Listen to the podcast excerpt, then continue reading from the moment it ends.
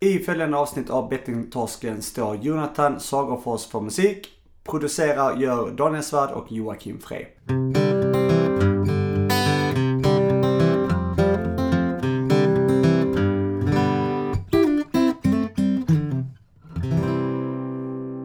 Men eh, fan vad kul, nu har vi eh, blivit tekniska här. Vi har ju uppgraderat oss. Välkommen! Ja, det är otroligt alltså. Det, ja, ja, ja. Vad gör vi inte för våra kära lyssnare? Ja, det är precis. Det är det är, ju, det är för deras skull, inte för någon annan. Nej. Alltså nu har vi ju eh, möjlighet att spela in med två mikrofoner så vi, är- vi, är, vi är redo. Vi är redo för eh, flera hundratals nya avsnitt. Ja, och eh, de kommer då spelas in på en helt annan eh, alltså, eh, nivå då. Nya höjder. Men det är det som, är, det är, det som är, är grejen då. Om man inte utvecklas så avvecklas man. Brukar man inte säga så? Jo, det brukar det vara. Men det känns som att vi har ju nästan mer eller mindre avvecklat oss för var- varje avsnitt för att vi har... Jag känner själv att kvaliteten har blivit väldigt dålig. Ja, framförallt sen du flyttar för att det blir ju svårare också att hitta de här tekniska grejerna. Vi försökte ju lite med dataprogram och så försökte vi nu med inspelning via telefonen och... Men så, så har vi ordnat upp det här. Det här är- känns, det känns nytt. Det känns som att vi, vi är på gång. Ja, det är otroligt. Vill du, ska jag, ska jag jämföra det här med en händelse ur eh, fotbollsvärlden? Är du sugen på det? Mm, ja, kör. Ja. Eh, Pep Guardiola hade världens bästa fotbollslag, Barcelona, 2011. Och han valde att göra om hela lagets struktur genom att köpa in Zlatan. Eller 2009 kanske det var. Men det blev ju fiasko då, men det här ska inte bli något fiasko. Nej. Var det en ganska det kan dålig säga. eh, jämförelse? Ja, det var, det var lite vag. Men Ja, eh, jag vi, vi, vill- ja. Jag, jag ville mest peka på det här att man måste utvecklas, och han tänkte ju så. Han, han, hans lag var det bästa, överlägset bäst i världen, men han ville ändå ändra på det för att hela tiden vara i utveckling. Ja, okej. Ja, men det, det är rimligt. Mm. Det är rimligt. Eh, ja. Fan, eh, grymt. Men du, eh, vad fan... Eh, ja. Vad händer i Göteborg? Vad sa du? Vad händer i Göteborg? Ja, det, det händer väl... eh, Ja, vad ska man säga? Ja, jag vet inte riktigt vad som händer här. Men... Eh, Du har varit ute och shoppat idag eh, lite grann eller? Eh, precis, jag, jag eh, köpte en... Eh, eller jag shoppade väl inte, min, min bror gjorde det och jag hjälpte Mhm. han lite på traven. Han skulle köpa lampor. Jag köpte också en, en, eh, en lampa. Jag vet inte riktigt vad jag ska göra med den men, men ja. Testa att tänd, tänd den, se vad som händer. ja. Nej, så det är väl det. Men, men annars, det som har hänt här är att jag har ju fått ehm, eh, ny lägenhet som jag ska flytta in i, i mars. Ja! Det har, Ja. för stort grattis alltså, det var häftigt. Jag vet ju Ja. att det var, eh, du- var, du stod liksom som en av eh, intressenterna där men eh, det kändes ju, när du berättade det, om det här för mig första gången så verkade det ändå ganska inte troligt då att du skulle få den här. Nej. Nej, det var ju internkön där och jag har stått ganska länge men det, det, ja, det känns bra som fan. Jag fick ju beskedet på min födelsedag så det var ju jävligt kul. Mm. Kan man verkligen säga. Visste de om det Eh. tror du att du fyllde år? De ville släppa bomben då? Uh, vet jag faktiskt inte. Eh, nej, det tror jag inte för jag sa till henne när hon ringde att fan vilken underbar eh, present. Hon bara, jaha, oh, grattis. Alltså, nej, hon visste nog inte det. Aha. Eh, Så nej, det, det, det ska bli kul. Det blir ju inte så stor förändring mer än att jag flyttar närmare in mot stan då. Eh, Så det känns lite vemodigt att lämna Bergsjön. Jag trivs faktiskt där ganska bra och skog och allting men... eh, Men då är vi på det där med utveckling igen. Du trivs bra, det funkar, men du måste ändå röra på dig. Det är en ny era som man säger. Mm.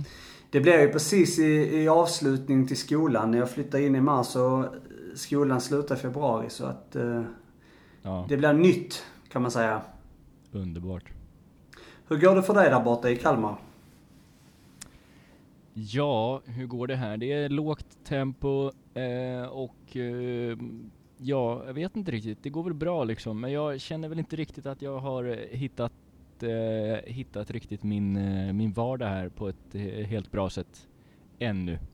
Eh, Mm. Men ja, jag kämpar på. Jag vet inte. Det måste man ju ändå göra. Ja. Eh, sen, Men det, du tänker liksom vardag med sysselsättningar och annat eller är det... ja men hur exakt, jag har väl ingen riktig så här struktur ännu. Det händer lite olika saker hela tiden. Eller så här, jag har inte riktigt någon, eh, ingen, eh, ja vad heter det nu? Nu söker Du har inte jag landat än? Ja Eller? men kanske lite så, jag har inte landat än och inte hittat min eh, rytm riktigt, det var det jag skulle säga. Men, Mm. ah, det, en, en finns det hopp alltså. Men nu börjar det ju- nu har det gått, eh, ja vad har det gått? Augusti, september, oktober. Ja nästan fyra månader har jag varit här nu. Eh, Mm. Så att det börjar väl bli dags att röra på sig igen då. Ja, nu Men- får du ta och lugna dig va? Mm, ja, vi får Eller? se. Jag, jag, jag fick ju ett besked av mitt jobb häromdagen att det inte verkar inte helt klart eh, om jag ska få fortsätta där eller inte och då får vi väl se hur, eh, hur det blir då, då. Jag väntar fortfarande på det slutgiltiga beskedet. Men eh, får jag inte fortsätta där då, då, då kan det kanske hända att det, det blir någon liten eh, flytt. Men, men jag ska inte gå händelserna i förväg. Det, jag kör på här så länge. Mm. Mm. Så är det. Eh, dock så har jag inte börjat spela i det här eh, kyrklaget som du brukar kalla dem ännu. Eh, Ja. jag, jag håller dem på halster lite, låter dem vänta eh, och längta lite. Kyrkkören. Kyrkkören, ja exakt. Ja, nej, kyrklaget. Nej men det, det, är- det, ja, det, det är ju det är långt till säsongen börjar så att eh, har du riktigt tur så kanske du får ett förslag från någon annan klubb där i division 7. Det är det jag menar, man, man kan inte ta första bästa bara utan eh, man måste Nej. ha lite is i magen. Ja, det är rätt. Det är Mm. rätt. Ja, ja. Men du, hur... Eh, eh, ja. Jag vet inte riktigt vad jag tänkte komma till här, men jag, jag hade en tanke om... Ehm, eh, vad hade jag en tanke om? Ah, jag hade inte så många tankar. Ska vi... eh, Vi har ju en gäst med oss. Ska vi... Eh, eller har du, har du något mer att säga, eller? Eh, nej, inte direkt, eh, förutom att eh, det var trevligt att eh, vi, vi sågs ju nyligen här i helgen där vi fick mycket gjort med poddandet och annat sådär. Det var kul. Mm. Eh, och ehm, ja, det, jag, jag tycker det är härligt att vi, eh, vi eh, kämpar på liksom. Men jag, jag skulle vilja påstå att det, det, det är en, ja men jag känner mig stolt över det här vi, vi håller på med faktiskt. Det är inte så lätt, eh, det kostar pengar, det är kämpigt, det är jobbigt, men det är kul också och det, det betyder mycket för eh, oss, eller ja, du får tala för dig själv, men för mig och, och många andra vet man. Så det, är- det är härligt. Ja, men Vi det... ska det, det applådera lite till oss själva. Ja, ja men det var, det var fint sagt. Mm. Det, det känns ju alltid väldigt eh, vemodigt när du lämnar här sen igen. För då tänker man att, eh, ja, när, när kommer du nästa gång? Och det vet man aldrig. Så man måste ta vara på tiden när man är här. Och, eh, men det blir ju också väldigt fokuserat på just poddandet nu, märker man. Alltså så här, Ja, Eh, Det var ju massa andra idéer och tankar om helgen också men det blev ju liksom inte mycket. Sen har du, ska jag tänka mig liksom, det blir ju, du har ju mycket att göra här med. Du är ju liksom syster här och, och eh, systerbarn och allt det där. Och, så det blir ju, ja, du, eh, du är eh, saknad i Göteborg. ja tack, vad snällt. Men jag, jag har ett förslag då apropå det. Ska vi bestämma det så här att nästa gång jag kommer till Göteborg eh, då ska vi ses, eh, du och jag, och så ska vi ja, kanske käka något eller ta en fika eller någonting. Och så ska vi prata om eh, vad som helst utom eh, den här eh, podcasten. Eller, Ja, det- eller annat som har med den att göra. Så liksom stänga av det helt då. Ja, det är en bra idé. Det är en bra tanke. Det tycker jag. Ja. En annan sak också att det har ju ramlat in en del eh, dollar på Musikhjälpen. Eller Mhm. kronor. Hur mycket Så, är det som eh, ligger och skvalpar? jag vet inte, det är väl några... Ja, det är väl en mindre betydande summa kanske. Men det är alltid något. Och det är alltid bra att eh, kunna vara med och bidra. Så att... Mm. jag, jag trodde ju att det skulle stå en miljon på där men... Mm. men eh, vi jobbar oss uppåt som man säger. Ja. Så att eh, glöm inte bort det eh, alla ni som lyssnar att Musikhjälpen har vi där och det är, det är bara att gå in på Musikhjälpen, söka efter bettingtorsken så hittar man oss. Eh, om inte man hittar oss på annat sätt. Och sen så kan man hashtagga bettingtorsken MH18. Ja, men då, jag, jag vild. tänkte fråga hur man går tillväga, men då går man alltså in på Musikhjälpens hemsida och så söker man efter oss då. Det är det lättaste. Ja, Ja, men jag tänker vi, vi kommer nog fortsätta publicera länken. Alltså länken finns ju också inne på Instagram. Så att går man in på Instagram så ser man länken till Musikhjälpen också. Eh, För de som har Instagram. Eh, Så man hittar direkt in till den här kampanjen. Och sen, ehm, ja. Så har ni inte själv eh, stålar som ni vill hjälpa till och bidra med så säg till de som har. Det finns alltid någon. Kanske. Ja, men man går Eller väl säg till på... grannen kanske. Ja, men, men man går väl in på, eh, vad heter det, taxeringskalendern och ko- kollar upp vilka som eh, har lite för mycket. Och så ringer man dem. Ja, exakt. Eh, ja. ja, men exakt det kan man göra. Annars kan man ju, känner man någon eh, av de som blir eh, offentliga personer som blir sponsor av spelbolag så kan de göra en god gärning de också. De har väl rätt bra Ja. med pengar så de kan ju stötta på, tycker jag. Bra idé. Ja. Eh, bra, Eller men... all, eh, alla, ja. Nej, säg. Nej, nej. Det var ingenting mer. Det var bara det jag skulle säga. Att, eh, försök eh, hjälpa till Ja, allihop. eh, men då har vi en gäst idag också och det är Patrik Axelsson. Vill du säga någonting om honom innan han eh, eh, flyger in här och tar över? Ja, ja, det är The King som jag brukar säga. Det är kungen. Patrik The King Axelsson. Nej men det, det jo det, det, det, det som, ja det är en av dem som du, som vi har pratat om tidigare. En av dem som vi har haft, eh, velat ha med sen starten och äntligen fick vi till eh, samtalet. Så ett eh, stort tack för, till Patrik för att han var med. Ja, tack Patrik. Och tack på förhand Mm. ni som nu sitter och ska lyssna och är, är, är spända. Ja, han är ju före detta spelare och engagerat sig i Spelberoendeföreningen i massvis med år. Så att eh, Drygt han hundra. har mycket, och, mycket erfarenhet att bidra med. Mm, Ja, ska jag rulla in han då? Eller? det tycker jag. Ja, Patrik Axelsson i Bettingtorsken.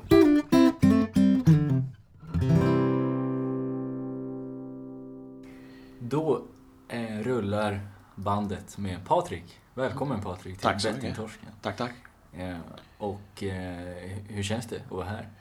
Jo, men det känns bra. Ja. Det har ju varit på gång några gånger, men det har liksom inte kunnat bli av för det har varit något, jag har nog fått förhinder ett par gånger. Och sådär. Ja. Så att, eh, nej, men det känns gott. Det Ja, känns bra. det något? Ja. Eh, hur är det med dig Jocke? Jo, det är bra. Mm. Det är bra. Det rullar på. Mm. Och med dig? Mm. Jo, eh, jag trivs. Ja. Trivs bra.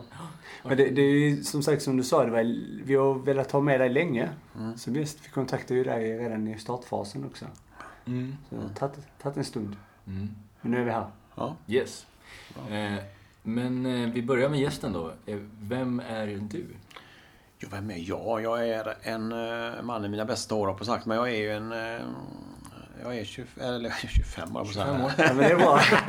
det är bra. Ja, Drygt. det, det är precis. Eh, nej, men jag är, jag är 53 år Mm. och eh, ja, har ju ett spelberoende i grunden. Jag brukar säga det att jag är fortfarande spelberoende fast jag har inte spelat på, eh, på massa år. Det är över 16 år sedan jag slutade spela nu. Eh, sen har jag jobbar jag på föreningen i Göteborg. Och det har jag gjort. Jag är inne på mitt 15 år. Så att jag har hållit på ett tag med det här. Eh, så att... Och vem är jag för, utan det? Jag är ju... eh, Jag är pappa till två vuxna barn. Eh, så. Och sen några månader tillbaka så är jag även morfar. Så att det om man ska ta, ta med det också. Så att absolut, det är ju en sån där, som man brukar säga, det är ju livets, livets efterrätt. Det här som man är. Och eh, varför, det, varför jag tycker det är så relevant att ta med det, det är ju för att det är på något sätt inte en självklarhet. Om man backar då de här 16 åren tillbaka så eh, vill inte jag finnas på den här planeten längre. Så att, eh, att få ha varit med om det, att barnen har blivit vuxna och, och nu är jag liksom morfar, det var ju inte någon självklarhet för mig. Som sagt var för ett antal år sedan. Det var fint. Livets efterrätt. Mm. Att man ser... eh, Mm, Det blir ju... Ja, det var, det var något. Eh, annars då, har du någon hobbys? Typ eller så här, spela squash eller något kanske? Nej, det är ju så att jag... Min stora hobby, eller min stora, min stora intresse i livet, det har varit bilar. Mm. Eh, genom livet. Och eh, sen några år tillbaka, eller sen eh, 2007 egentligen, så är jag di- diagnostiserad med en eh, grav synskada, man säger det, synnedsättning då, en, en diagnos. Vilket har gjort att jag 2009 slutade köra bil och, och lite sådär. Men alltså, utav en slump så hittade jag en hobby som också handlar om bilar. Men det är bilar i, i liksom lite mindre skala, 1 till 18. Eh, många kan tycka att det var bara att leka med bilar igen och det kan jag säga ibland att jag skojar att jag har gjort. Men, men det är ju lite mer sådana här modellbilar. Så det håller jag på med en del. Eh, köper, samlar, eh, köper och säljer lite så. Så att det är väl min, min hobby idag kan man väl säga. Eh, inte så mycket idrott. Jag var på en hel del med idrott förut, fotboll och sådär. Men eh, nu har jag klarat av det tack vare synen faktiskt. Men, eh, sen kan man ju träna lite mer än vad man gör. Det borde man göra kanske. Det hade jag väl klarat av. All right. Eh, bra, men du är spelberoende. Så det tyckte jag var bra att du sa fortfarande spelberoende. För det är många som, som eh, glömmer bort det. Eller alla får göra som de vill då. Men att man, jag hör ofta att tycka ja, jag var spelberoende förut. Och Då kan man fundera lite hur det, länge det sitter kvar. Så. Men är det någonting som du brukar förmedla till andra? Att man ska fortsätta kalla sig det? Ja, alltså jag, jag brukar säga så här att jag kallar mig för spelberoende. Jag måste vara ödmjuk över att jag äger den här problematiken. Jag kan aldrig mer spela. Men sen tycker inte jag är så viktigt egentligen vad man kallar sig. Jag brukar ibland avdramatisera och säga du kallar det spelallergiker om du vill. Alltså det, så kan det ju vara att man liksom, eh, menar, eh, jag vet att Jimmy också använder den, min kollega här, men just med, är man nötallergiker så kan man inte äta nötter för det är farligt. Det är, liksom, är man spelberoende, och spelberoende om pengar då som det handlar om här i detta fallet då, så är det i slutändan farligt, rent av livsfarligt att fortsätta spela. Så jag, jag behöver vara ödmjuk och veta om att jag har den här problematiken. Sen står det inte tatuerat i min panna. Men jag måste förhålla mig till det tycker jag. Och det är att inte liksom sänka garden utan vara liksom eh, på, hugget där. Och Okej, Okej, jag jobbar med det här varje dag eller eh, så i veckan. Så det, jag får väl min dos utav eh, mot vaccin mot det här varje dag. Men, men det är ju ändå liksom, jag, jag möter ju dagar ibland som inte är de bästa och så här, det går ju upp. Livet är ju som det är. Och då, även om inte det, det första kanske att jag skulle falla in i spel om jag får det jobbigt så kan man ju falla in i dumma beteenden. Och liksom det, det på något sätt tycker jag eh, kan ju bli illa nog. Så, så att eh, man får vara vaksam på det att vi har lite grann det här beteendet i, oss- i oss. Ehm, du har ju varit spelfri nu i 16 år sa du? Ja, den 10 augusti 2002 la jag mitt sista spel. Det var två dagar innan jag åkte in på behandling. Okej. Så jag tror att de flesta av min, i min omgivning trodde att jag var spelfri den sommaren innan jag åka in på behandlingen. Men jag spelade fram till mm, två dagar innan och hade jag kunnat så hade jag spelat dagen innan. Men då hade vi en liten avskeds kalas, eller vad man ska säga, innan jag åkte in på 16 veckors behandling. Så, eh, så jag spelade in i det sista. Jag hade svårt att säga, eh, säga farväl till min älskarinna spelmaskinen. Kan du berätta lite eh, hur, eh, hur du hamnade, eller ja, hur resan har sett ut? Kan, Mm. från, Jag från kan det- försöka och i korta ordalag få ihop det. Alltså jag, jag började ju spela, i alla, fall, i alla fall när jag började spela eh, på den tiden när, när jag kom till föreningen vill jag väl säga och började berätta min, min story. Då var, då var det lite ovanligt att jag hade gått in i det så pass sent i livet som jag hade gjort. Idag är det ju inte så utan då kan man ju nästan börja precis när som helst. Men när jag började spela när jag var drygt 30 och från att ha haft ett väldigt, väldigt ordnat liv fram till dess. Liksom, och jobbat sedan jag var 16 och hade, hade det bra, hade familj, hade hus. Och, eller radhus som vi hade och, och så här. Men, eh, men li, eh, vad heter det, och, och missbruk, det fanns liksom inte någon som helst eh, liksom, tanke på att göra. Jag, jag har ju ett väldigt, eh, alltså jag har väldigt lite erfarenhet av att dricka alkohol till exempel. Eller så där. Jag, jag kan, visst kan jag ta någon liten drink eller sådär, något sött eller så, men jag dricker mig inte berusad. Det har jag aldrig gjort. Jag är 53 år idag. Eh, jag kanske till och med såg lite snett på de här som låg på parkbänkarna förr, för jag tyckte att det där var ju liksom att skärpa, de får skärpa till sig ungefär. Eh, och och eh, vad heter det, droger har jag överhuvudtaget inte varit i närheten av. Eh, men spelet på något sätt lurade sig på mig för jag såg aldrig det som någonting som skulle kunna bli ett beroende. Eller jag hade aldrig hört talas om det, att man kunde bli beroende utav det. Och det kom in lite grann i en tid i mitt liv där jag var, där jag var sårbar. Det, det fattade jag inte då. Men, eh, men jag- när jag har analyserat detta efteråt, för det gör man ju. Liksom, var- varför började varför, varför fastnade jag i det här?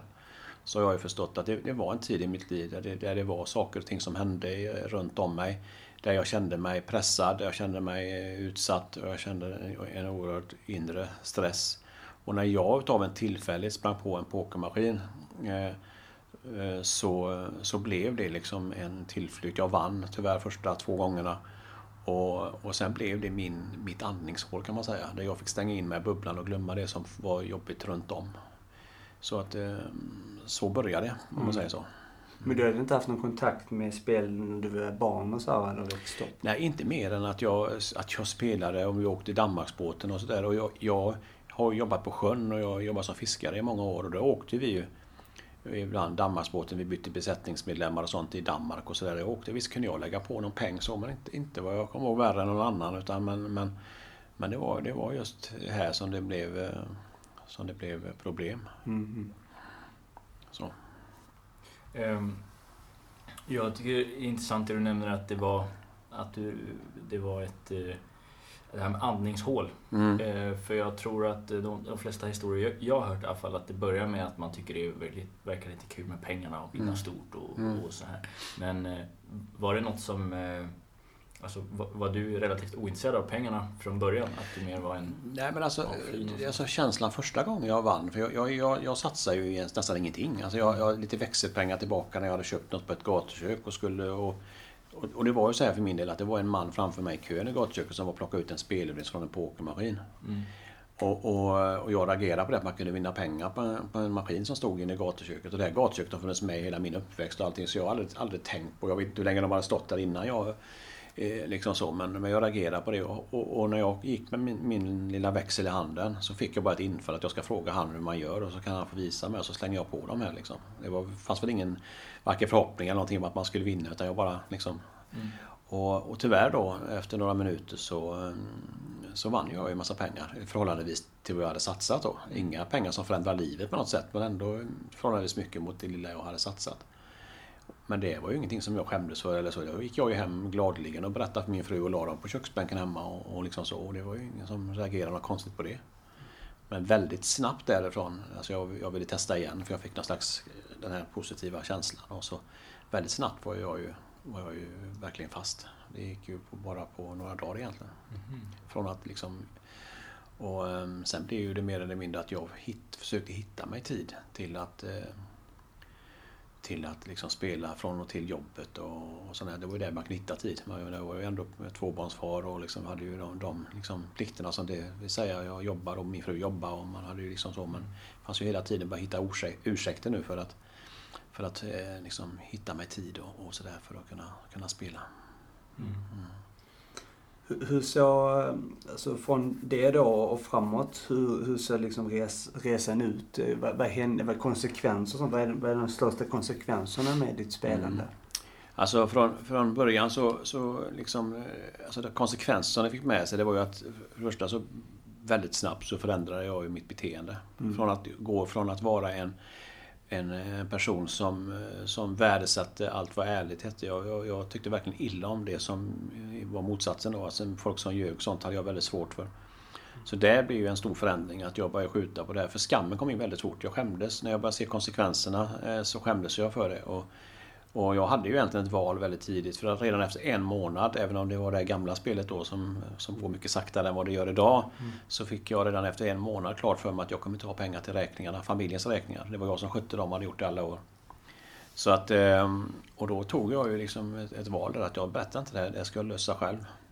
För skammen kom direkt. Liksom, och det här kan jag, för att det hör ju till saken att jag och min fru då, vi hade ju varit tillsammans Sen vi var 15 och 16 år. Vi hade känt varandra ändå längre och varit ihop innan fram och tillbaka också. Men då var vi bara barn. Men det, det, hon fanns med i min, min vänkrets redan när vi var barn nästan. Och så blev vi tillsammans när vi var 15 och 16. Och, och, och liksom... Eh, och, och, eh, och man- liksom... Eh, ja, nu hade man ju dratt, i, dratt iväg då, så jag borde ju... Jag borde ju naturligtvis gått till henne med en gång och sagt till henne att jag har... Jag har gjort bort mig. Jag, jag har spelat upp alldeles för mycket pengar. Jag vet inte vad som har flugit i mig. Hon hade naturligtvis inte blivit glad, men jag tror inte hon hade lämnat mig. Och, eller det vet jag att hon inte hade gjort. Och hon hade kanske sett till så att hon hade haft lite mer koll och, och sådär. Men jag, alltså jag skämdes så mycket så jag kunde inte klara av det. Och det har jag frågat mig många gånger. Vad var det som fick mig att inte berätta? Mm. Så. Det, det, sen tog ju det här snöbollseffekten igång där. Alltså man, man, eh, I och med att jag redan efter en månad satt i en fälla där jag inte kunde betala räkningarna. Men från den månaden så tog det fyra år innan någon fick reda på att jag hade ett spelberoende. Jag kan inte säga att det tog fyra år innan någon visste att det, eller märkte att det var lite jobbigt med ekonomin ibland.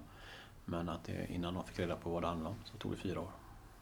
Och det inkluderar även de i din närhet? Ja, ja.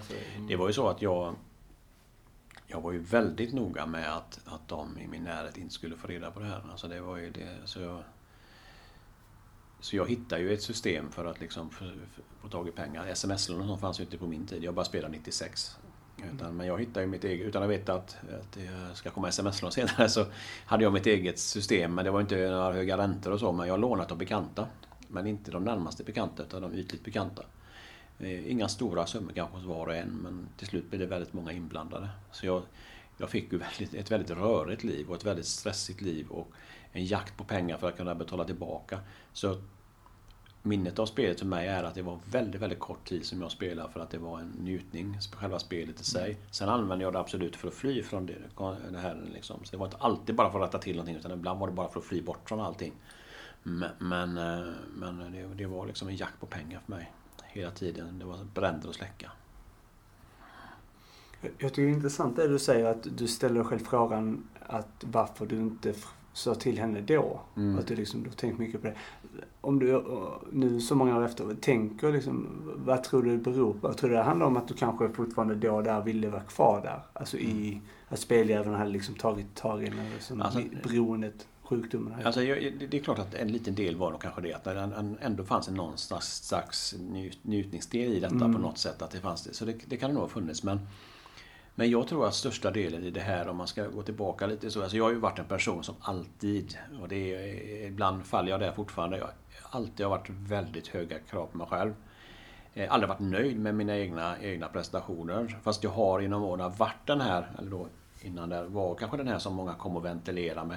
Jag var den där katalysatorn för många som folk kom till. Det var också det, mycket det handlade om det här, de här eh, sakerna som fanns där som, Mm. som gjorde att jag att jag, jag, jag kanske egentligen tog på mig för mycket ansvar för vissa saker och jag mådde inte bra i det. Men jag sa ju aldrig det. För folk frågar mig hur jag mådde så mådde jag ju, mådde jag ju alltid bra. Mm.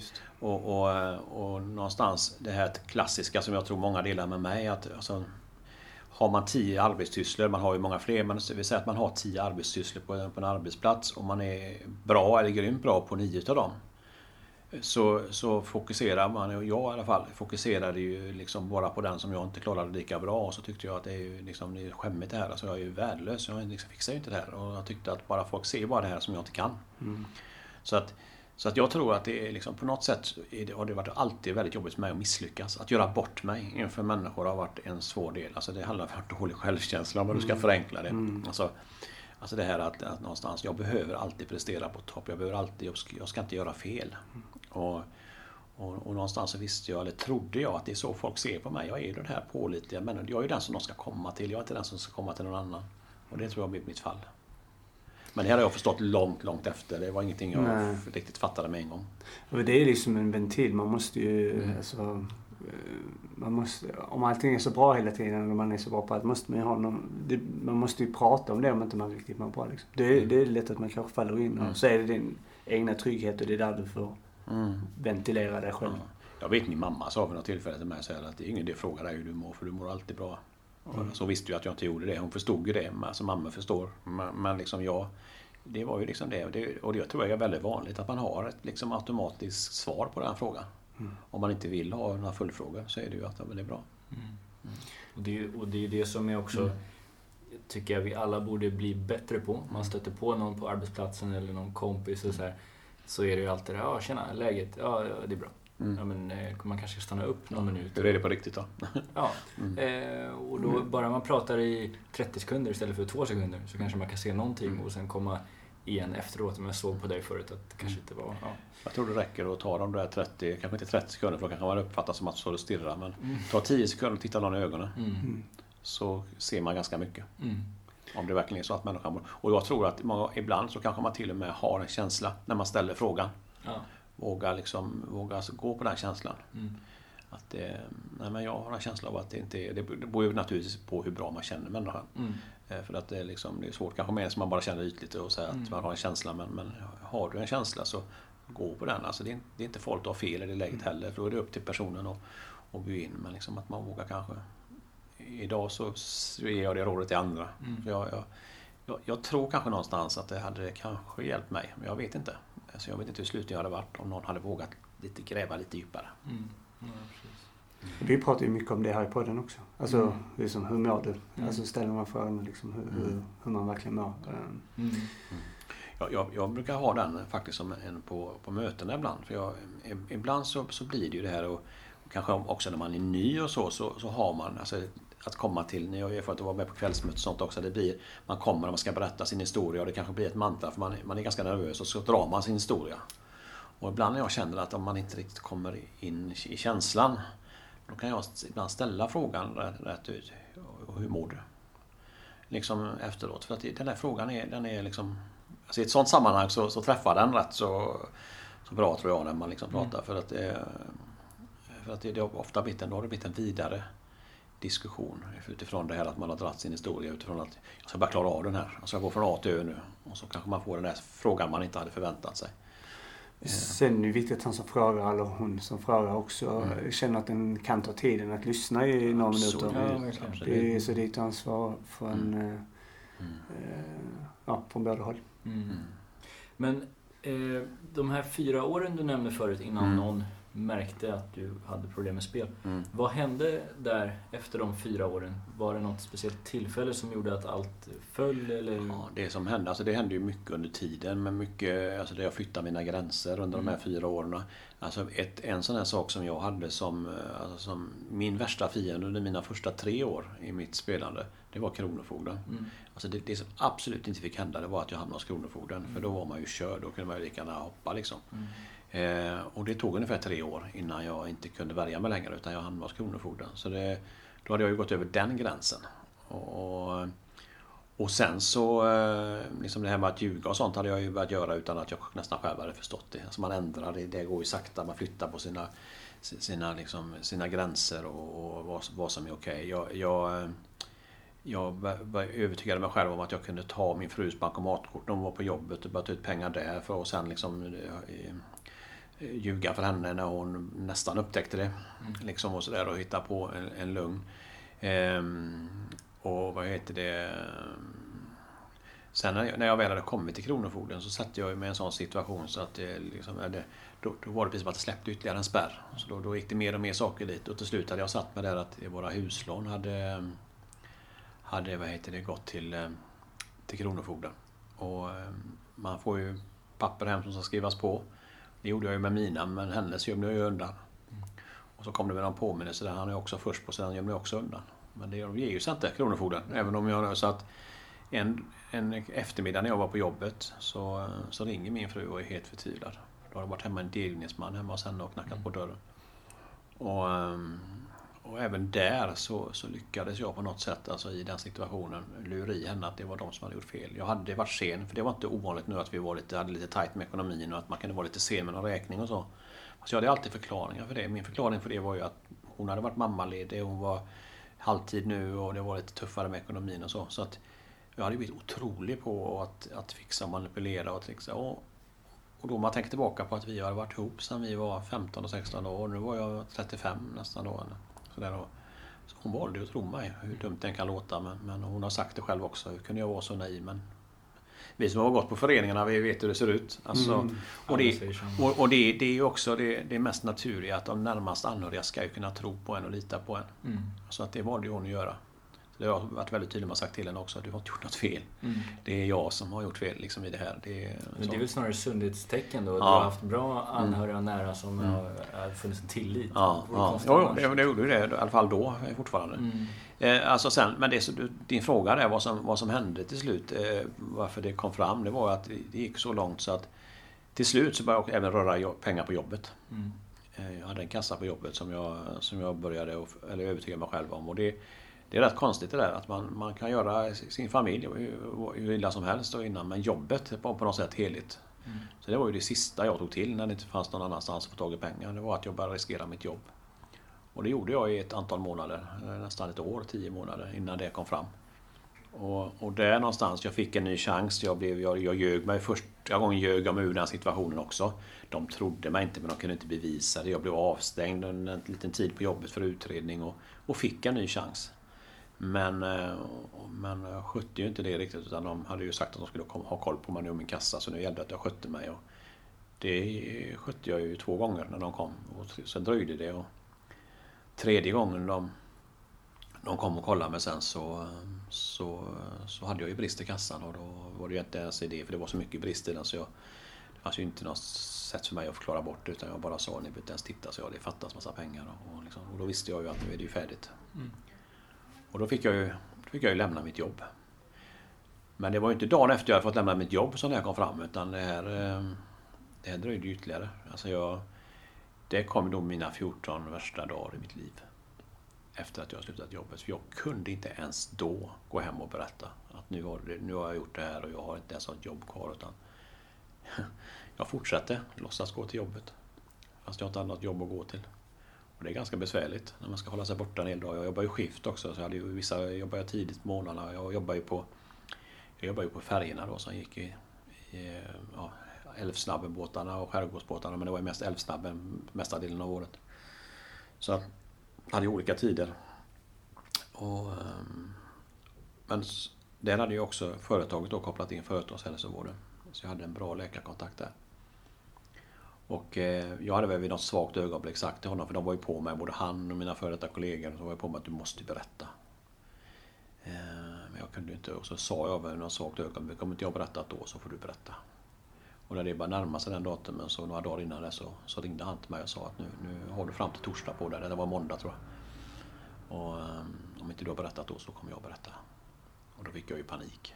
Då kom ju tisdagen och då kom onsdagen och på onsdagen så Alltså det var inte, alternativet var inte för mig att hitta ett sätt att berätta utan för mig började det komma upp att hitta ett sätt att ta livet av sig. För att, att berätta var inget alternativ. Jag hade ju en jag hade ju liksom klart för mig hur det här skulle mottas. Jag skulle ju bli eh, bortstött, utkastad, hemlös. Liksom. Ingen skulle vilja ha med mig att göra längre. Och det värsta är ju att det var ju så jag såg på det själv. Det, hade ju, alltså det är hemskt att tro att är det så jag hade bemött någon som hade kommit till mig? För det var ju så jag trodde att mina nära kära skulle möta mig. Mm. Så att eh, onsdagen då när jag visste att det skulle komma då, fram dagen innan så ringer jag till min fru som är på som är på, eh, eller jag ringer hem till henne och så säger att jag sitter inte upp och väntar på mig ikväll för jag har fått extra jobb så jag, jag kommer inte hem förrän sent i natt. Och på kvällen där så tar jag Stenabåten eh, mot Danmark och där har jag trott, jag tror att jag har bestämt mig där och då att jag ska ta livet av mig när vi kommer utanför alla öar och så. Så ska jag hoppa ut och så ska jag göra det så nära bak för propellern så det ska gå fort. Jag ska inte riskera att bli liggande där och simma liksom utan det ska gå fort. Men jag kom aldrig ut. Jag blev sittande. Jag blev sittande i en fönsterbräda på båten där. Och någonstans där så... Så eh, jag, jag, vill tro, jag vill tro att det verkligen var så att det var mina barn som räddade mig där. Tanken på dem och, och det här som gjorde att jag någonstans ändå inte tog det här steget. För jag trodde att jag var klar. Jag trodde att jag hade bestämt mig. Så att... Eh, när jag kommer hem den natten så eh, möts jag utav min fru i dörren och det är ganska, då förstod jag ju bara det. Att, det, det, alltså att hon var uppe och klockan tre på natten och väntade på mig fullt påklädd. Det gjorde ju att jag förstod att nu vet hon någonting. Eh, jag kommer in i hallen och i vardagsrummet är det nedsläckt men det sitter ju fler personer där inne. Och det är ju mina, mina föräldrar som, och mina syskon respektive som sitter där inne i sofforna och möter upp mig. Och där får jag ju kapitulera då. För första gången. Och jag kan säga att den bubblan var inte så svår att sticka hål på i det läget utan det var... Det, var liksom, det brast allting för mig där. Och på ett sätt... Mm, och alla som vet hur det är att släppa den här bomben, det är ju det är blandat. Det är ju... Det är naturligtvis jättejobbigt och skämmigt på alla sätt och vis men det är också väldigt förlösande och väldigt, en väldigt börda, en sten som släpper på något sätt.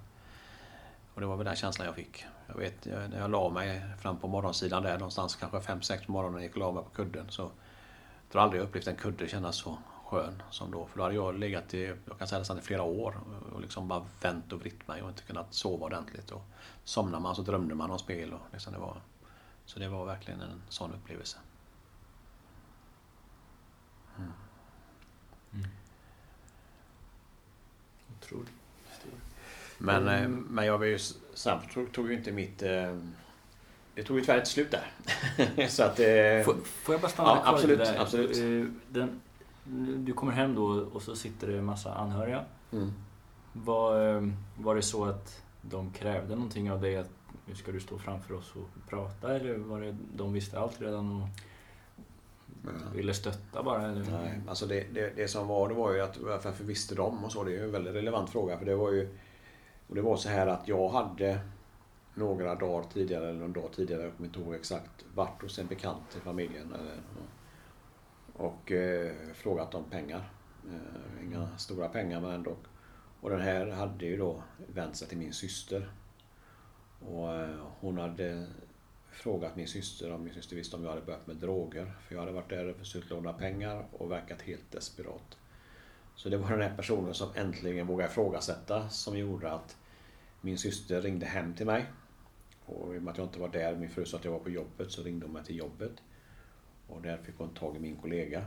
Och han berättade ju ingenting heller först, men hon förstod att någonting inte stod rätt till. Så hon pressade min kollega. Till slut så berättade han vad som hade hänt då. Och det var där det hade vevats upp då. Mm.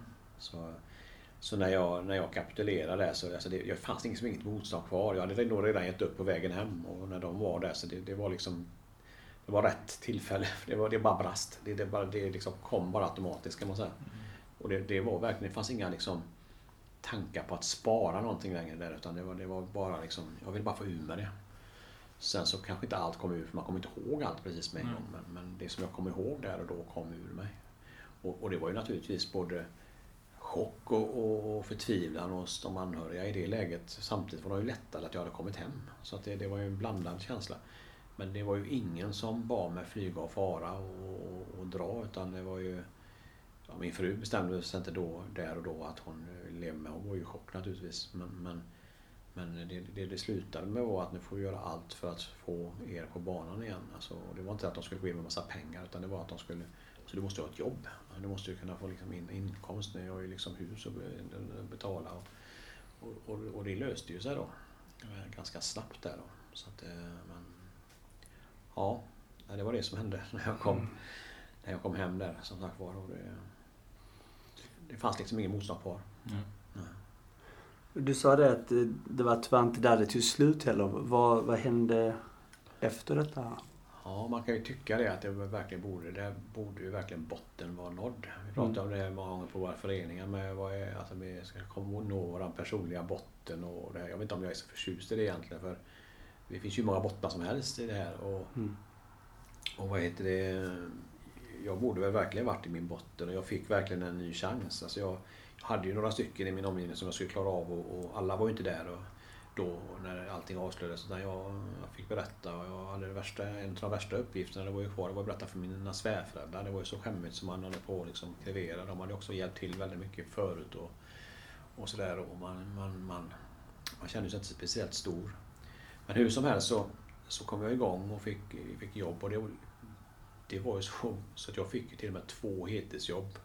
Och jag nappade ju på det här för att det var, jag såg det som en möjlighet att att, eh, att betala tillbaka skulder. Och jag kunde pussla med tiderna så jag fixade det. här. Ehm, och första tiden jag var ju överlycklig. Jag åkte mellan de här två jobben och bara sjöng och visslade och tyckte livet var underbart nu. För jag hade, och då hade min fru bestämt sig också för att hon skulle satsa på mig fortsättningsvis. Vi skulle liksom lösa det tillsammans. Och så att det var ju bara en fröjd att få jobba och liksom tjäna in pengar och, och göra rätt för sig. För det var inte, jag, hade, jag hade ju ändå mycket men jag, det var inte det var inte skulder som skulle ta en evighet att betala utan jag skulle kunna lösa det på hyfsad tid om jag liksom kunde jobba så här. Mm. Um, och um, sökte väl även då i det läget um, faktiskt behandling hos kommunen redan då för att komma till... För jag har hört talas om Kolmården och det här men det rann liksom ut i sanden där. Vilket årtal var det här? Detta, är, detta var 2000. Okay. Mm. Eh, jag fick en kommentar hos, hos den här socialarbetaren, socialsekreteraren där att han sa med Patrik om du slutar spela så, så löser det ekonomin. Det är ju det som är problemet. Det var väl så då att man hade inte samma kunskap. Eh, sen eh, liksom det här jobbet då. Jag, eh, jag jobbar ju på men efter ganska exakt ett halvår så var det precis som... Det, det var så här att Många gick, gav mig klappar på axeln och tyckte att du visar verkligen vad du går för nu. Bra jobbat och sådär. Men det var också de som la in en brasklapp och sa liksom det här funkar inte. Det finns inte människor som kan jobba på det sättet. Jag vet min mm. mamma sa det vid något tillfälle. Och säkert någon mer också. Men jag var ju så, jag gjorde klart. Jag, jag, jag skulle bara visa alla nu. Som jag berättade i början här. Jag, jag, jag ville ju visa alla hur bra jag var. Men det var en morgon när det var dags att gå till jobbet igen efter att jag jobbat sent dagen innan så var det bara som att batteriet höll på och när man startar bilen den där sura höstdagen när det liksom inte startar riktigt. Det var bara liksom ett motstånd som... Och jag kände att jag är verkligen på väg åt fel håll nu. Det här går illa om inte jag liksom bestämmer mig för att ta bort ett jobb nu. Jag började på att gå in i den berömda väggen. Och eh, jag fick ringa och jag hade ändå så pass eh, förstånd i mig så att jag ringde det ena jobbet och sa att jag kan inte fortsätta så här. Utan jag får, jag får, jag får liksom fokusera på ett jobb. Men i samma stund som jag hade tagit det beslutet i stort sett så kom den här känslan igen av misslyckande. Av värdelöst. Det kan du inte ens hållit på till du var skuldfri. Liksom. Det var, det, du, du, du är ju en loser. Alltså det, alltså det, var, det var den där känslan som kom. Framförallt känslan, kanske inte att jag sa så mycket ord till mig, men den känslan kom i mig. Liksom, att jag var misslyckad igen. Och, och jag blev förmodligen deprimerad utan att förstå, för jag visste nog knappt vad det var då. Men, eh, och, och, och jag har ju aldrig ätit någon antidepressiv medicin eller sånt. Där min, min medicin, det var ju mina maskiner. Så det var ju dem jag valde igen. Det var ju det. Men med den stora skillnaden att min fru hade hand om ekonomin nu. Hon hade hand om pengarna. Så jag hade ju egentligen bara ja, i sammanhanget småpengar att röra mig med. Men eh, de räckte inte så långt och det var ju där någonstans det började spåra ur igen då. Att jag började ju trixa och fixa och manipulera på alla vis jag kunde för att få tag i pengar. Eh, men den här gången så, så när det blev det konstigt och när det blev saker som blev fel så köpte inte hon mina förklaringar. Hon synade mig och det gick ju liksom inte. Hon kom ju på mig ganska omgående. Och för första gången då, hon blev naturligtvis jättebesviken. Och för första gången också så, så hotade hon mig, eller hotade mig ska jag inte säga, men hon varnade mig för vad, att konsekvensen blir att jag, jag, att jag kan inte leva med det längre. Det blir skilsmässa liksom, om du fortsätter så här. Och jag lovar ju dyrt och heligt. Men nu, nu gick jag in i en tid där jag hade så fruktansvärt svårt att berätta 100% utan det var 80-90%. Det fanns alltid saker som var extra svåra att berätta, extra pinsamma. Och det enda sättet att eh, försöka lösa det, det var att fortsätta spela. Så det höll väl på ungefär ett och ett halvt år. Med... Eh, alltså från det att du slutade då när familjen var samlad så, så slutade du spela? I ett halvår. I ett halvår, okej. Okay. Mm. Och sen så började igen? Började jag igen. Och sen mm. höll jag på i ett och ett halvt år. Just det. Eh, med åtskilliga gånger som hon, som hon kom på mig. Med, med spel. Och... Um, jag, eh, jag vet att näst sista gången hon kom på mig så var det en gång, kom hon, jag kommer inte ihåg detalj vad det var hon kom på mig med men hon, hon, hon, hon synade mig i alla fall vid köksbordet och jag, jag, jag bara rusade ifrån. Jag rusade upp andra våningen, slängde mig på sängen och bara bröt ihop där uppe. Hon kom upp efter mig och liksom frågade vad, vad, vad hände liksom, eller vad är det med dig? Hon har, hon har, jag tror hon hade sett mig gråta på det viset en gång och det var när jag kom hem den gången. Sen tror jag inte hon hade sett mig så. Och hon satte sig jämte mig på sängen och jag satte mig upp jämte henne. Jag vet inte hur länge vi satt, men vi satt säkert en timme och kanske nästan två också. Barnen var i skolan. Och, och vi satt, vi gråt för bägge två och vi pratade och vi grät. sådär man gör när man ska reda ut saker. Och det, och det var verkligen ett känslosamt eh, samtal samtal på alla sätt och vis. Och allt kom väl ut där. Och, eh, och eh, resten är så, så reser hon sig upp och så går hon ner på sängändan och, så, och jag ställer mig och går bakom henne. Och rätt som är så tvärvänder hon liksom när vi är bakom där, så jag minns det i alla fall. Och så ställer hon sig och tittar med ögonen väldigt nära. Och så har hon ju sina rödgråtna ögon och jag är väl lika rödgråten jag. Så säger hon till mig så här, kan du lova mig nu att det här är allt? Kan vi lägga det här bakom oss? Typ något sånt sa hon. Och jag utan att tveka säger, ja det är allt. Det finns en grej kvar. Och den löste ju inte jag naturligtvis utan det tog ju 14 dagar till så var ju det framme. Och då var det samma visa igen. Hon kom när jag satt vid frukostbordet igen. Och så sa hon till mig att nu vill jag att vi skiljer oss. Jag kommer inte ändra på mig vad du än säger. Jag kan inte leva så här längre. Hon sa faktiskt, det handlar inte om att jag inte älskar dig. Men du är inte den personen jag, jag gifter mig med. Jag kan inte lita på dig, orkar inte ha så här. Jag vet inte från dag till dag om vi har pengar så vi kan sätta mat på bordet. Jag vet liksom ingenting. Hon orkar inte längre. Eh, och jag förstår egentligen inte hur hon kunde orka så länge som hon gjorde. Jag kan säga att jag, jag, jag verkligen bokstavligen föll ner vid hennes fötter och där i det läget, då fattade jag vad jag hade gjort. Då kunde jag se som en bild framför mig hur jag stoppade henne och barnen i maskinen. Jag fattade nu, på sättet hon sa det, att nu är det allvar. Nu kommer hon inte ändra sig. Och jag, liksom, jag, jag, jag bröt ihop fullständigt där. Men då var det ju för sent. Ehm, jag visste redan då att jag hade fått möjlighet att komma in på en behandling. Jag hade medvetet själv förhalat den här datumen. För jag visste att det var saker som var ouppklarade. Jag visste, åker jag in på behandling så kommer det komma fram och med facit till hans så hade det varit mycket, mycket bättre att jag kom fram när jag var på behandlingen. För då kanske jag hade haft en chans att rädda det. Men eh, ja, så såg inte jag på det. Utan, ehm, utan det gick så här långt. Tanken var, detta var i juni 2002. Tanken var och våran plan var när vi, när vi liksom pratade att vi skulle ta det här på lugnt och fint med barnen. Jag skulle bo kvar hemma tills jag åkte in på behandlingen. Men vi orkade väl en vecka eller två sen så eh, det gick ju inte känslomässigt var det ju för jobbigt. Så att jag flyttade hem till mina föräldrar. 37 år gammal. Från vårt hem och så hade jag egentligen inte någonting med mig. Alltså det var ju inte det att jag inte fick ta med mig. Det fanns ju ingen anledning att ta med mig dit och sen så eh, hem till dem då i deras trerummare. Där flyttade jag in i ett rum innanför vardagsrummet som inte ens fanns någon dörr. Jag fick hänga upp något lakan eller någonting för dörren där. Lyssnade på min mamma som låg och grät sig till sömns för att, över min situation. Och, ehm, nej, det var, det var liksom då, det, det var ingen, ingen fin tid i mitt, mitt liv. Jag kände att allting var ju förgäves. Allting var ju... Men på något sätt så, ehm, så fick, för jag hade nog ingen motivation egentligen från början, utan men mina föräldrar mina syskon och, och naturligtvis kärleken till mina barn fick mig ändå att liksom ta mitt förnuft till fånga och ta den här behandlingen. Så den 12 augusti 2002 så körde mina föräldrar mig till Kolmårdens behandlingshem. Och som sagt var två dagar innan det, då, den 10 augusti 2002, så satt jag och spelade för sista gången. Och det är fortfarande den datumen som gäller för mig. Det är 10 augusti 2002. Så det är det är drygt 16 år och två månader någonting nu som, som det har gått. Och det är ett viktigt datum för mig. Eh, det, här, det är ett avstamp i mitt liv. Sen kan inte jag säga att, att livet alltid har varit en, ros även efteråt. För jag har haft några kriser i mitt liv. Men, ehm, men det som har varit fint när man har kommit ut på andra sidan kriserna det är att jag har inte valt att fly tillbaka i mitt missbruk för att jag har krisat i livet. Utan jag har, jag har tagit mig igenom de svåra stunderna och det tror jag har växt väldigt som människa för att jag har lyckats göra. Och sen då har jag fått möjligheten.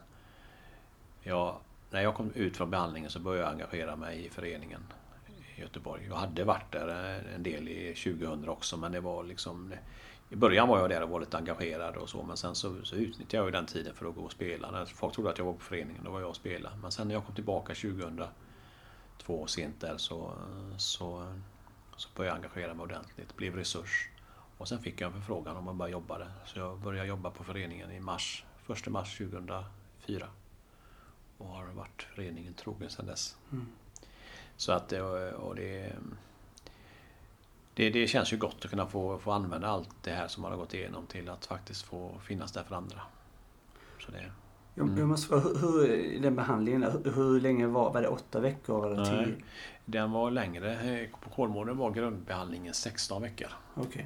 Plus eh, eftervård med ett besök i månaden. Eh, man var två dagar i månaden var man på efter i ett år då. Mm. Så man åkte upp. Så att, eh, hur, hur, viktig var den för dig? Alltså i... Nej, oerhört viktig. Alltså jag vet inte var, Fick du verktyg? Och... Ja, det fick jag ju. Och, och, och, samtidigt, alltså någonstans fick jag ett hopp om att det fanns ett liv. Alltså någonstans. Jag, jag hade jättesvårt de två första veckorna tror jag i alla fall att komma in i behandlingen för att jag, jag var ju fortfarande bara fokuserad på att jag måste få tillbaka min fru. Alltså det var bara det som var värt någonting. Jag måste få tillbaka henne. Jag vet inför familjedagarna som var fem eller sex veckor in i behandlingen, då var jag fortfarande där att jag ville ha med henne och det hade kanske eventuellt öppnats en öppning att hon skulle komma på de här dagarna. Men då hade jag väl någonstans ändå kommit in i behandlingen. Sen så tog hon beslutet att komma då ändå. Det är klart, det var, då var det ju en smäll som kom. Då var jag ju väldigt, jag är väldigt ledsen och besviken så. Men, men ehm, nej, men det, det, liksom, det, la, det var ju som att gå i skola lite grann och gå på den här behandlingen. Man fick börja med att berätta sin, sin, liksom, sin livsberättelse om man säger så. Inte bara spelet då utan lite det man kommer ihåg från barndomen och lite grann sådär. Mm. Och så hade man olika uppgifter då som man fick göra och redovisa för gruppen och, och sådär. Och, ehm, nej, jag tror att det var väldigt, jag tror, jag vet att det var jättenyttigt för mig att få. Och sen ska jag inte säga det, de absolut värsta men också de bästa dagarna på behandlingen, det var familjedagarna. Även om inte min fru kom så kom mina föräldrar och min bror kom. Och eh, att få, få sitta där först, första dagen var vi, då var vi för oss själva, vi, i gruppen och sen var de anhöriga med behandlings, hon som var ansvarig. Andra dagen så fick jag sitta mitt emot stolen först med min mamma och pappa och min bror, liksom var och en för sig. Och så fick de bara ge mig och säga vad de tyckte och tänkte och vad de hade upplevt och så. Och jag fick inte svara, inte göra någonting, utan bara titta och ta emot. Och sen så, mm, så fick vi liksom... Ja, vi umgicks och så, men jag fick inte umgås bara med dem, utan man skulle, det var ganska mycket restriktioner runt det här. Och sen då, tredje dagen, så fick jag försöka då ge min syn på det och liksom det här. Och, alltså det var otroligt nyttigt. Det var skittufft. Man var helt slut efter de här dagarna. Men vad det gav mig. Och framförallt det jag tog med mig därifrån var att okej, okay, det finns fortfarande människor som kommer finnas där ute för mig när jag kommer ut. Det blev så tydligt när jag, liksom, när jag, när jag gick därifrån. Där någonstans blev vändpunkten på riktigt. Mm. Där jag kände att okej, okay, nu är det upp till mig att ta hand om mitt liv och göra någonting åt det. Och det har ju funkat. Mm. Så att det, så det, det är väl... Jag har inte berättat så mycket om min behandling faktiskt förut, i, varken för det finns nästan aldrig tid för det, men det, det var en otroligt viktig del i min, i min, i min resa. Mm. Mm. Visst, visst är det det behandlingshemmet som inte finns kvar idag? Då? Ja. De har... Tyvärr vill jag säga.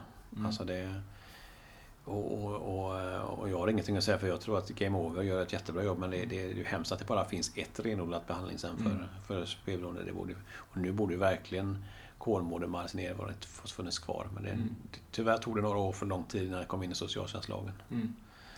Ja. Så att det, mm. Yes. Um.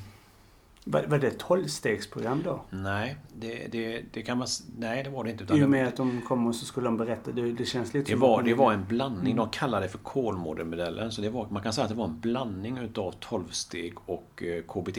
Mm. Det var en liten egen variant där. Som mm. var liksom en, och när jag var där så kände jag, kände jag varken till... När jag kom dit så kände jag varken till tolvstegs eller KBT. Så jag mm. tänkte inte så mycket på det. Vad som var, men idag har man ju hört och lärt sig en del om det. Så att det, det var verkligen så. Det var, man jobbar mycket med beteende och det här som det handlar om. Och, men sen var det ändå en del av de här med stegen inne i också. Så att det, det, var verkligen en blandning som var, som var bra tycker jag. Mm. Mm. Och vi får se lite framåt nu då. Mm. Vad, ehm, vad har du på gång? Vad är din agenda närmsta tiden här? Ja, vad är på gång? Nej, men jag är ju alltså fortfarande väldigt aktiv i, i och med att jag jobbar fortfarande med det här och, och, och brinner för frågan. Eh, liksom så. Och, och det, som, det som har hänt sista åren är ju att jag fick igång, eller vi fick igång i, i, i Trollhättan. Så där är jag ju en, en gång i, i veckan och har möte. Och det tycker jag är roligt att få vara med och starta upp någonting från grunden, mm. från början. Så den, det brinner jag för att se hur, hur, det utvecklas och hur det trycket är och, lite sådär. Så att det, det brinner jag för. Eh, sen är det ju att fortsätta utveckla både förening, alltså i Göteborg där jag, och, och Trollhättan då, men även att få fortsätta vara med och påverka i förbundet. Eh, och så. Så att eh, det, det är väl det när det gäller det här i arbetslivet och med, med föreningar och spelberoende och det. Sen hoppas jag naturligtvis också att man kan få vara med i, i att, att påverka det som händer i våran spelvärld. Liksom. Det som händer som jag tycker är Alltså det, det är så oetiskt det som händer ute idag. Man, man, eh, man utnyttjar människor på, på liksom mest vidriga sätt. Man vet att det var en spelform idag som, som väldigt, väldigt många av de som spelar spelar i. Och vi vet, alltså vi fick siffror idag när vi satt på föreläsningen om att att 27 procent av de som provar nätkasino har, alltså är, är, spelberoende. Liksom. Och, det, och att man ska då överhuvudtaget överväga att göra en, ett sånt spel lagligt i Sverige.